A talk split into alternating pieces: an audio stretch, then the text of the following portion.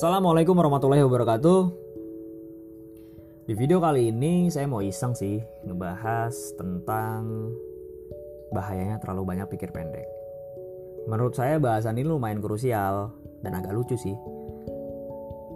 Karena di era di mana teknologi telah membuat aktivitas kita menjadi serba praktis dan instan, kita sudah terlalu biasa menempuh jalan pendek untuk melakukan sesuatu, termasuk salah satunya melakukan kebiasaan berpikir pendek. Ya nggak?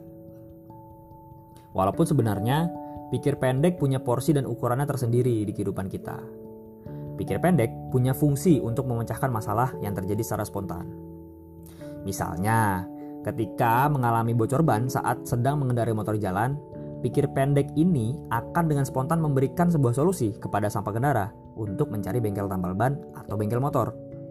Di situasi seperti ini, pikir pendek gak mungkin memberikan solusi kepada sang pengendara untuk pergi ke pabrik motor supaya mengganti motornya dengan yang baru. Solusi seperti ini bisa aja sih muncul kalau memang sang pengendara punya kebiasaan sering mengkonsumsi biji timun. Biji timun kan kecil-kecil. Mungkin otaknya juga kecil. Tapi terlepas dari itu, terlalu banyak pikir pendek justru menciptakan masalah. Terlalu banyak pikir pendek juga adalah ciri bahwa otak kita sedang sengklek karena nggak semua hal lo bisa diselesaikan dengan cara yang praktis dan pragmatis. Diperlukan cara berpikir panjang untuk ditempatkan pada porsi masalah yang memang nggak bisa diselesaikan dengan pola pikir pendek. Dengan begitu, hal ini juga berguna untuk membuat pikiran kita menjadi lebih terbuka dalam menyikapi segala situasi. Karena kalau nggak, terlalu banyak pikir pendek justru akan membuat sudut pandang berpikir kita menjadi sempit. Dan biasanya, terlalu banyak pikir pendek akan membuahkan tindakan yang sembrono dan gegabah. Kita bisa melihat contohnya lah secara langsung dari orang-orang yang ngebet viral dan ngebet nyari sensasi di internet dengan kebodohannya.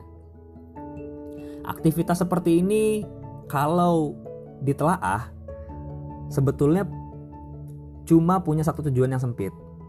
Rata-rata tujuannya hanya ingin dilihat banyak orang dan orang-orang yang viral ini biasanya tidak akan memikirkan hal lain yang kemungkinan terjadi setelahnya. Karena kebanyakan dari mereka memang cenderung berpikir pendek.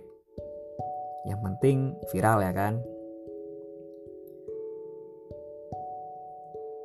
Jadi kira-kira resah nggak sih